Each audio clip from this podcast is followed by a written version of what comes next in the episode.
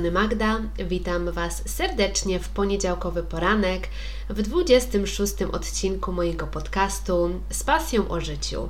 W moim programie poruszam tematy podróżniczo-lifestyle'owe, opowiadam o kulisach życia stewardess, a wiem o nim wszystko, bo sama nią byłam przez 6 lat. Poza tematyką lotniczą znajdziecie u mnie opowieści podróżnicze, bo jest to moja największa pasja. Odwiedziłam naprawdę niezwykłe miejsca, poznałam niesamowitych ludzi i dzięki temu mam wiele rozmaitych historii do opowiadania. Oprócz odcinków solowych, od czasu do czasu pojawiają się u mnie także ciekawe wywiady z inspirującymi osobami. Moimi gośćmi będą stewardesy, a także byłe stewardesy, które opowiedzą, czy ciężko było im się odnaleźć w normalnym życiu po skończeniu podniebnej kariery. Ale do swojego programu zapraszam także ludzi, których pasją są podróże i którzy chcą dzielić się swoimi opowieściami z szerszą publicznością. Zatem, jeżeli jesteś obywatelem świata i uważasz, że cały świat to Twój dom i nie wyobrażasz sobie życia bez podróży, to trafiłeś na idealny podcast. W dzisiejszym odcinku opowiem Wam o kulisach podróży stewardess. Oczywiście nie ulega żadnej wątpliwości, że podróże to największa zaleta tej pracy i już niejednokrotnie wspominałam, że to właśnie one rekompensowały mi każde zmęczenie i wszystkie nocne loty, których nienawidziłam. I nawet jeżeli musiałam stawić się w pracy o trzeciej nad ranem, a wiedziałam, że na przykład za kilkanaście godzin będę sączyć drinka na rajskiej plaży, czy też pić swoją ulubioną kawę w jakiejś fajnej kawiarni, to taka wizja zdecydowanie pomagała mi przetrwać nieprzespaną noc. Jednak najczęstszy stereotyp, jaki słyszę, to, że stewardessy podróżują zupełnie za darmo. Czy naprawdę tak jest? O tym na pewno opowiem w dzisiejszym odcinku, ale poza tym zdradzę także, czy wystarczało nam czasu na zwiedzanie podczas pobytów służbowych oraz ile dni zazwyczaj spędzaliśmy w danym miejscu. I na pewno ciekawi Was też, czy przysługiwały nam pracownicze zniżki na bilety, a jeżeli jak, to jakie? I tym również podzielę się z Wami w dalszej części programu. Opowiem Wam też o tych ciemniejszych stronach podróżowania.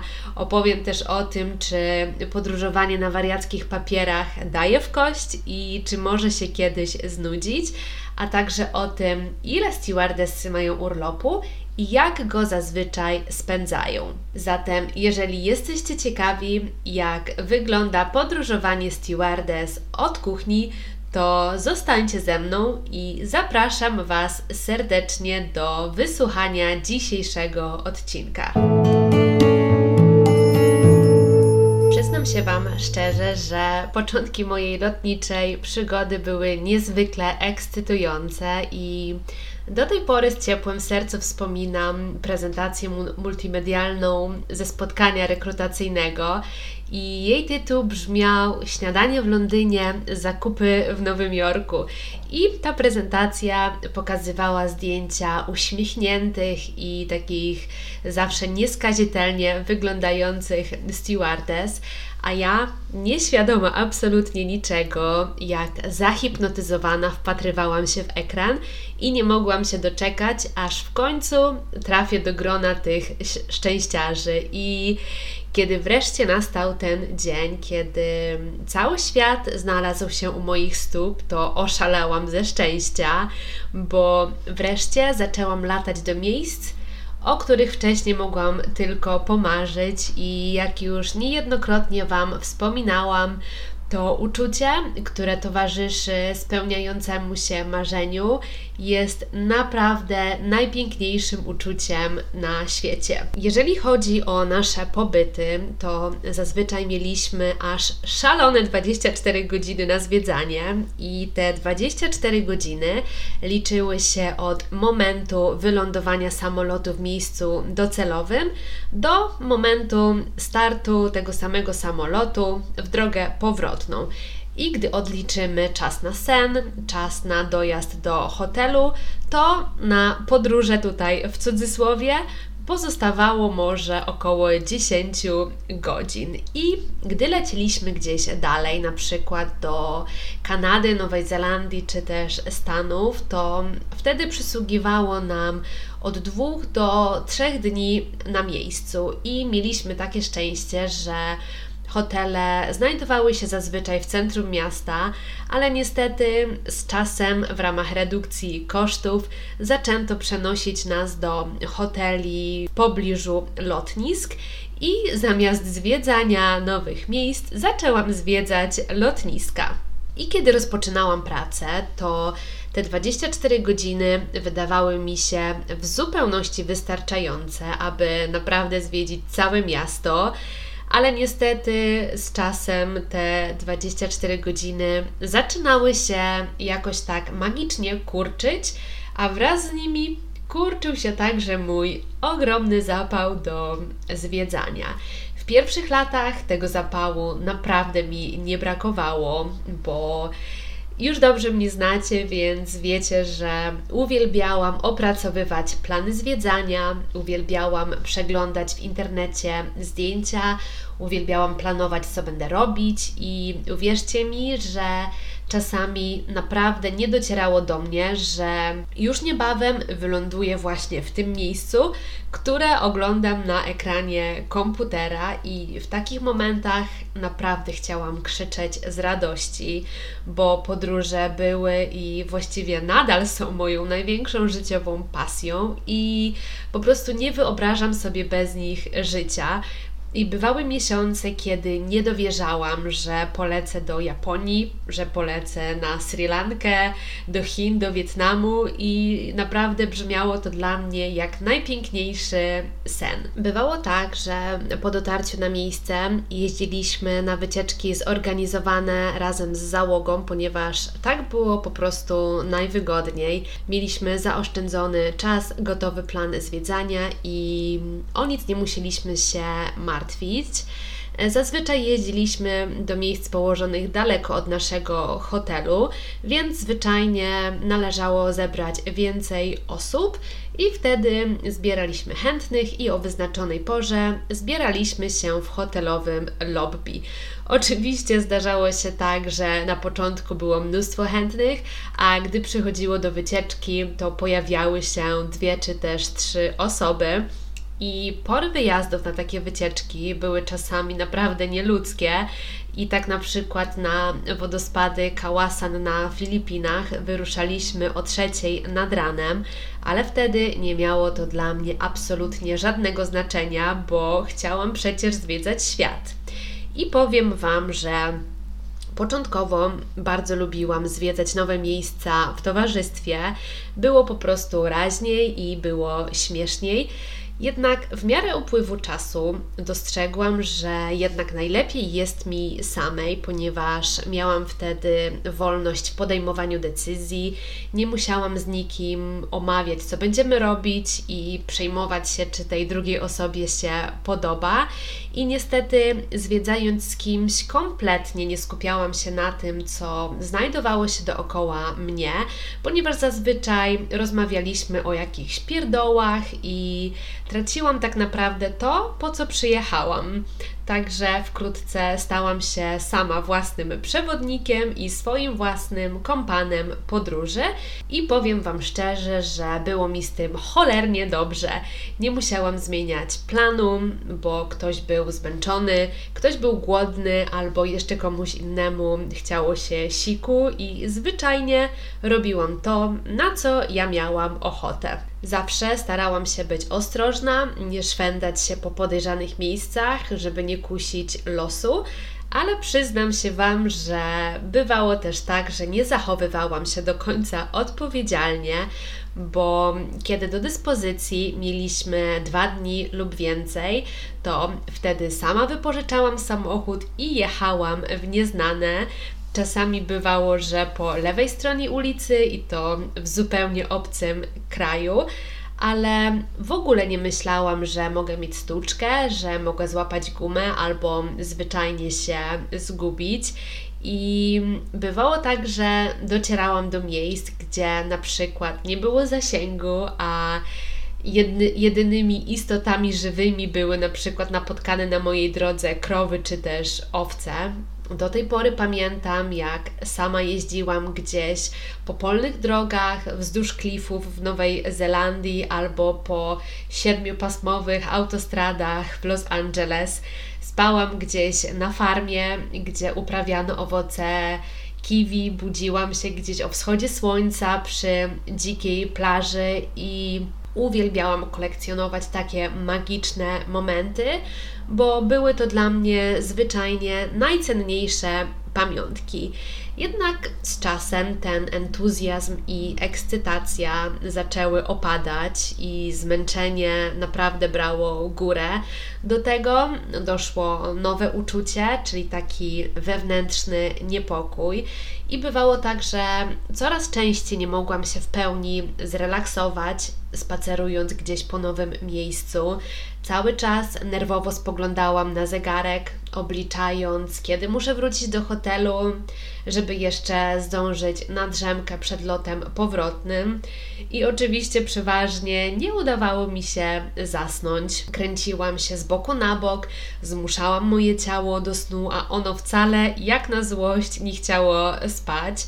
Bywało też tak, że wracałam do hotelu na ostatnią chwilę i nie spałam w ogóle, bo przestawałam widzieć w tym sens. Po prostu zakładałam mundur i pędziłam na lot powrotny. Za każdym razem obiecywałam sobie, że nigdy więcej tego nie zrobię, bo byłam nieprzytomna, ale niestety prawie nigdy nie dotrzymywałam postanowienia. Takie podróżowanie na wariackich papierach zupełnie przestało sprawiać mi radość. Stało się wręcz takim źródłem niepotrzebnych stresów i takiego poddenerwowania.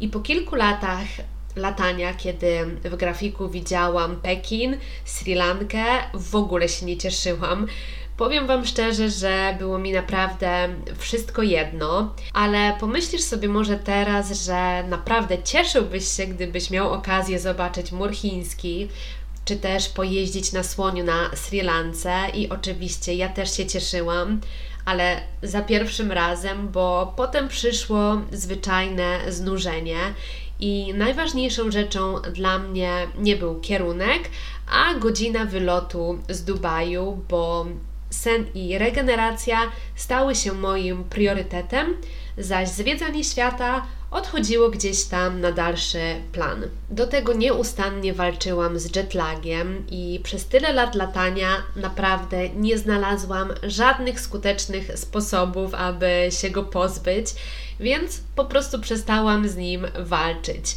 Bywało tak, że budziłam się w nocy w pokoju hotelowym gdzieś na drugim końcu świata i na przykład kiszki grały głośnego marsza. Niestety w nocnym menu znajdowały się zawsze te same zapychacze typu, typu kanapka z frytkami, pizza, hamburger. O pożywnym posiłku mogłam zapomnieć, dlatego zamawiałam cokolwiek byle tylko zaspokoić głód i móc dalej spokojnie spać. Czasami budziłam się rano i absolutnie nie wiedziałam, gdzie jestem, ale to normalne dla stewardess, jednak takie życie na dłuższą metę było niezwykle wyczerpujące, więc powoli zaczynałam rozumieć, czemu niektórzy członkowie załogi nie zwiedzają, tylko śpią. I teraz chciałabym jeszcze Wam przytoczyć taką ciekawostkę, bo nie wiem, czy wiecie, ale nie dla każdego praca w zawodzie personelu pokładowego była zabawą, była zwiedzaniem czy też wiecznymi wakacjami, bo w naszej załodze zdarzały się osoby, które nie opuszczały pokoju hotelowego zwyczajnie ze względów oszczędnościowych. Nie każdy miał tak komfortową sytuację i mógł bezgranicznie trwonić pieniądze. Jedni rozpoczęli tę pracę z własnego wyboru, głównie dla przyjemności, głównie dla zwiedzania świata. Jednak istniała druga grupa osób, których przymusiła do tej pracy trudna sytuacja w ich kraju rodzinnym. Nie mieli tam perspektyw na godne życie, mieszkali w skromnych warunkach, zarabiali naprawdę niewiele, a musieli jakoś przecież wyżywić swoją rodzinę. Dlatego też ta praca dawała im czasami szansę odłożenia większej sumy pieniędzy, które wystarczały na utrzymanie nie tylko całej rodziny, ale czasami również całej wioski, z której pochodziły. I takie osoby często przywoziły na nasz pobyt w danym kraju własne jedzenie. Bywało też, że przywoziły własne kuchenki do gotowania ryżu, bo zwyczajnie starały się nie wydawać ani grosza z przysługującej nam diety, ponieważ chcieli jak najwięcej odłożyć. Natomiast wracając jeszcze do samego zwiedzania, to wiele razy słyszałam od osób z mojego otoczenia, na przykład, y, jak w ogóle możesz spać, będąc w Pekinie, w Paryżu, w San Francisco? Czemu nie idziesz zwiedzać? Czemu nie idziesz smakować lokalnych kuchni, poznawać innej kultury? I powiem Wam, że takie pytania zada ktoś, kto nigdy nie pracował jako personel pokładowy Ktoś, kto ma taką wizję, że stewardesa tylko ładnie wygląda i za darmo zwiedza świat. Ja też tak myślałam i przez kilka pierwszych lat swojego zwiedzania również zadawałam takie pytania e, kolegom i koleżankom z załogi. Prawda była jednak taka, że nasze podróżowanie nie było podróżowaniem z prawdziwego zdarzenia. I podam Wam teraz taki przykład. Załóżmy, że lecicie na wakacje do Meksyku. Lot trwa ponad 20 godzin, czekają Was dwie przesiadki, wreszcie docieracie do hotelu. Mogę się założyć, że ledwo patrzycie na oczy, często nawet nie wiecie, jak się nazywacie, i jedyne o czym marzycie to prysznic i ciepłe łóżko. Na pewno nie w głowie Wam żadne zwiedzanie i zazwyczaj zostawiacie to na następny dzień. A ja tego następnego dnia zazwyczaj nie miałam i jeżeli chciałam odkrywać zakątki nowego miejsca, to zwyczajnie musiałam się do tego zmuszać. I ciekawa jestem, czy sprawiłaby Wam radość perspektywa takiego scenariusza i śmiem twierdzić, że raczej nie, ponieważ podróżowanie kojarzy się przecież z relaksem, z odpoczynkiem, a nie ze stresem i wiecznym zmęczeniem. Dajmy na to, podczas lotu Wy możecie sobie drzemać, możecie oglądać filmy, natomiast stewardessa musi pracować i jej zmiana trwa zazwyczaj więcej niż 12 godzin. Owszem, ma przerwę na sen, ale zazwyczaj jest to maksymalnie 3 godziny i to na wąskim łóżku, za cieniuteńką ścianą, w bliskim sąsiedztwie toalety. I po takiej szybkiej drzemce stewardessa musi wracać od razu do swoich obowiązków. Jeżeli natomiast chodzi o darmowe podróże, to muszę Was rozczarować, bo jedyny darmowy bilet, jaki mi przysługiwał, to bilet do domu raz na rok. W moim przypadku była to Warszawa, ale po trzech latach pracy można było zmienić ten kierunek na dowolny, czyli na przykład raz w roku latać sobie za darmo do Nowego Jorku.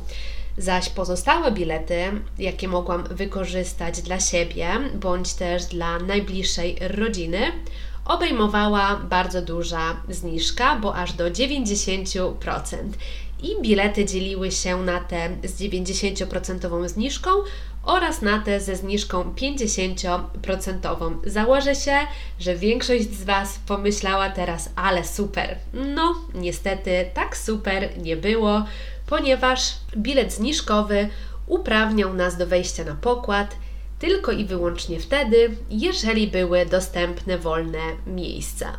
Jeżeli wykupiliśmy bilet z 90% zniżką, to byliśmy ostatni w kolejce do wejścia na pokład, a jeżeli ze zniżką 50%, to nasze szanse automatycznie wzrastały. Bywało też tak, że czasami dostawaliśmy od szejka w nagrodę jeszcze tańsze bilety, gdzie musieliśmy zapłacić tylko same opłaty lotniskowe.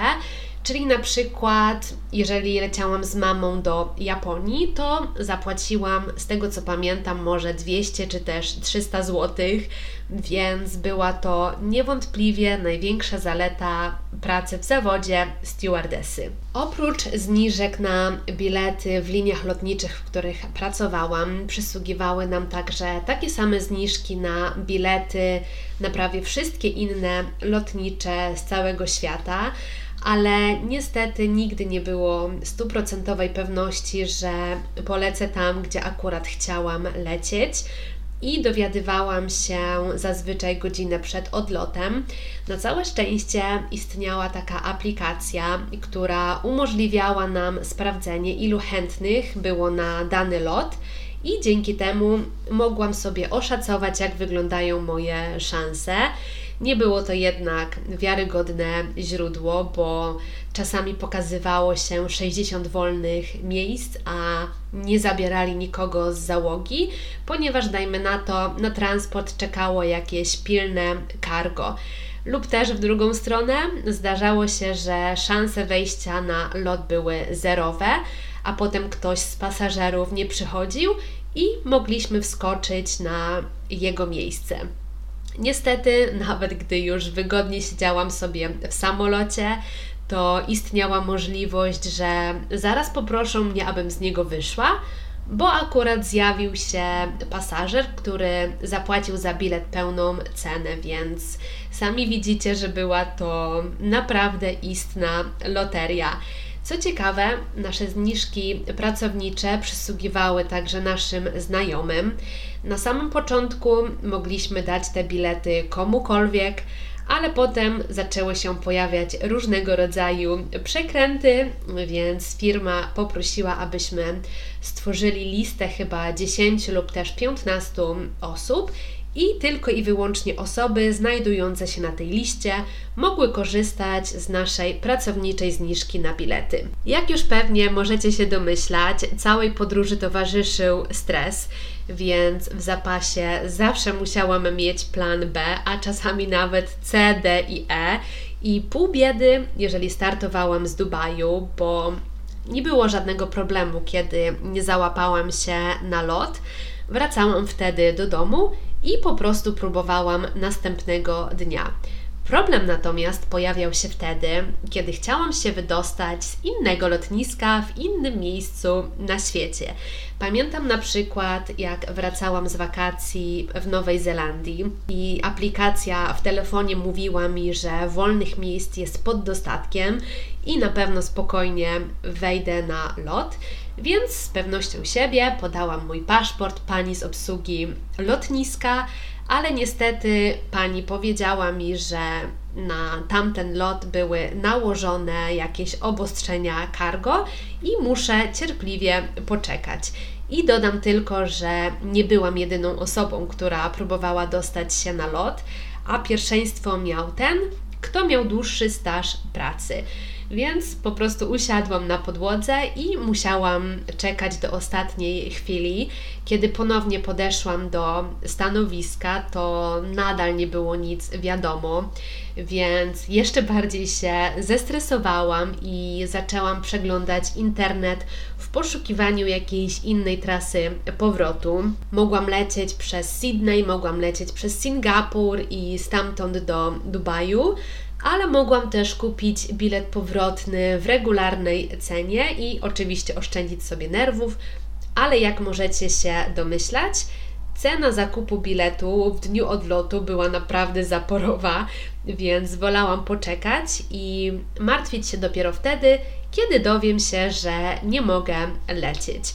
Pamiętam, że kiedy do odlotu pozostało pół godziny, ja nadal siedziałam w Oakland na lotnisku na podłodze, ale zauważyłam, jak pani z obsługi lotniska do mnie macha, wręcza mi kartę pokładową i każe biec do samolotu tak szybko, jak tylko mogę, więc na całe szczęście mogłam z ulgą odetchnąć, że wszystko się udało.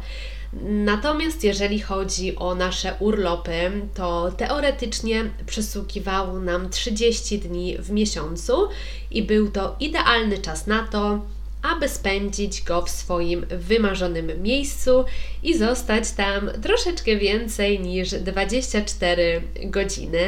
Więc pewnego razu postanowiłam polecieć z mamą do Nowego Jorku podjęłam decyzję, że polecimy naszym narodowym przewoźnikiem, czyli lotem z Warszawy, ponieważ wszystkie rejsy do Nowego Jorku z Dubaju były przebukowane i naprawdę wszystko wydawało się iść zgodnie z planem ponieważ od znajomej stewardessy pracującej dla lotu wiedziałam, że jest sporo wolnych miejsc ale niestety życie jest nieprzewidywalne i dosłownie na ostatnią chwilę wolne miejsca w samolocie wykupiła jakaś grupa Żydów, którzy właśnie wylądowali z Tel Awiwu, więc nie było absolutnie cienia szansy, że poleciły.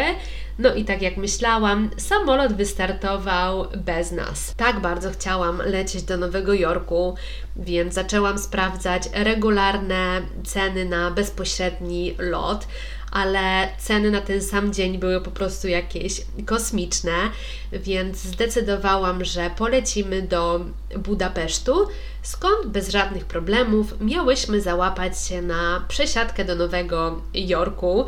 Spędziłyśmy jedną noc w hotelu w Budapeszcie, no i niestety byłyśmy już półtora dnia do tyłu. Przy odprawie dowiedziałyśmy się, że owszem, wolne miejsca do Nowego Jorku były, ale już ich nie ma, ponieważ samolot linii Air France do Nowego Jorku został odwołany i wszystkich pasażerów przeniesiono na nasz rejs lotem. I znowu pani z obsługi poprosiła, żeby poczekać, więc czekałyśmy i powiem Wam szczerze, że powoli traciłam zupełnie nadzieję na nasze spacery po Central Parku, po Piątej Alei, więc w tamtej chwili kubek porządnej kawy wydał się nam najrozsądniejszym pomysłem. I kiedy stałam w kolejce po kawę, to tak mimochodem gdzieś tam spojrzałam na półkę z książkami i mój wzrok zatrzymał się na jednej z nich i możecie mi wierzyć czy nie, ale był to akurat przewodnik, którego okładka krzyczała do mnie wielkimi drukowanymi literami Nowy Jork i wtedy zrozumiałam, że chyba wszechświat próbuje mi coś powiedzieć. No i miał rację, bo po 9 godzinach lotu spacerowałyśmy już po zatłoczonym Manhattanie. Powiem Wam szczerze, że naprawdę nie lubiłam tego wiecznego stresu towarzyszącego każdej podróży. Całe to zamieszanie ze zniżkowymi biletami utrudniało organizację urlopu. Absolutnie nic nie było można zaplanować. Oczywiście, wiecie, ja bardzo, bardzo doceniam, że w ogóle miałam szansę podróżować po tak atrakcyjnych cenach. Jednak chyba z perspektywy czasu mogę powiedzieć, że wolałabym wyjeżdżać rzadziej, ale na pełnych, regularnych biletach i Wolałabym mieć pewność, że nie wygonią mnie na ostatnią chwilę z samolotu. Miałam także kolegów i koleżanki z załogi, dla których powiedzmy dwa lub trzy dni wolne w grafiku pod rząd oznaczały kierunek lotnisko. Nieważne gdzie, ważne tylko dokądkolwiek będą bilety. Ja do tej grupy zdecydowanie się nie zaliczałam, bo ostatnią rzeczą, jakiej chciałam, było pakowanie się na kolejny lot, skoro dopiero co wylądowałam i na samą myśl o powrocie do samolotu robiło mi się słabo. Dla mnie dzień wolny oznaczał odpoczynek, poza tym ograniczały nas różnego rodzaju zasady.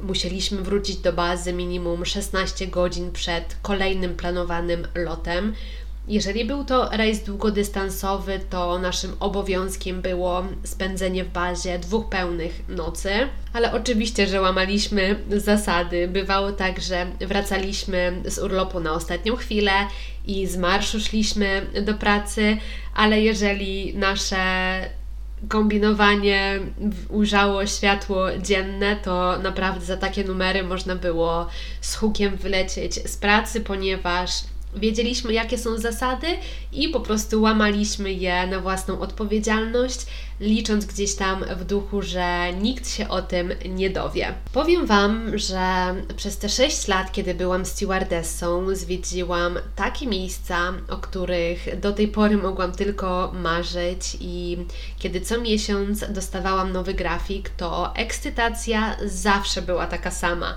Czekałam na ten dzień, jak dzieci czekają na Boże Narodzenie i teraz mogę powiedzieć, że każda nieprzespana noc każdy dzień spędzony na jetlagu, złe samopoczucie czy też samotność były absolutnie warte tego wszystkiego, co zobaczyłam, tego wszystkiego, co doświadczyłam i pewnie gdyby nie ta praca, to zwyczajnie nie starczyłoby mi czasu, żeby odwiedzić te wszystkie piękne miejsca i co najważniejsze, pokazać moim bliskim kawałek tego pięknego świata. To wszystko na dziś. Dziękuję Wam bardzo za wysłuchanie dzisiejszego odcinka i za to, że w ten poniedziałkowy poranek poświęciliście mi swój czas.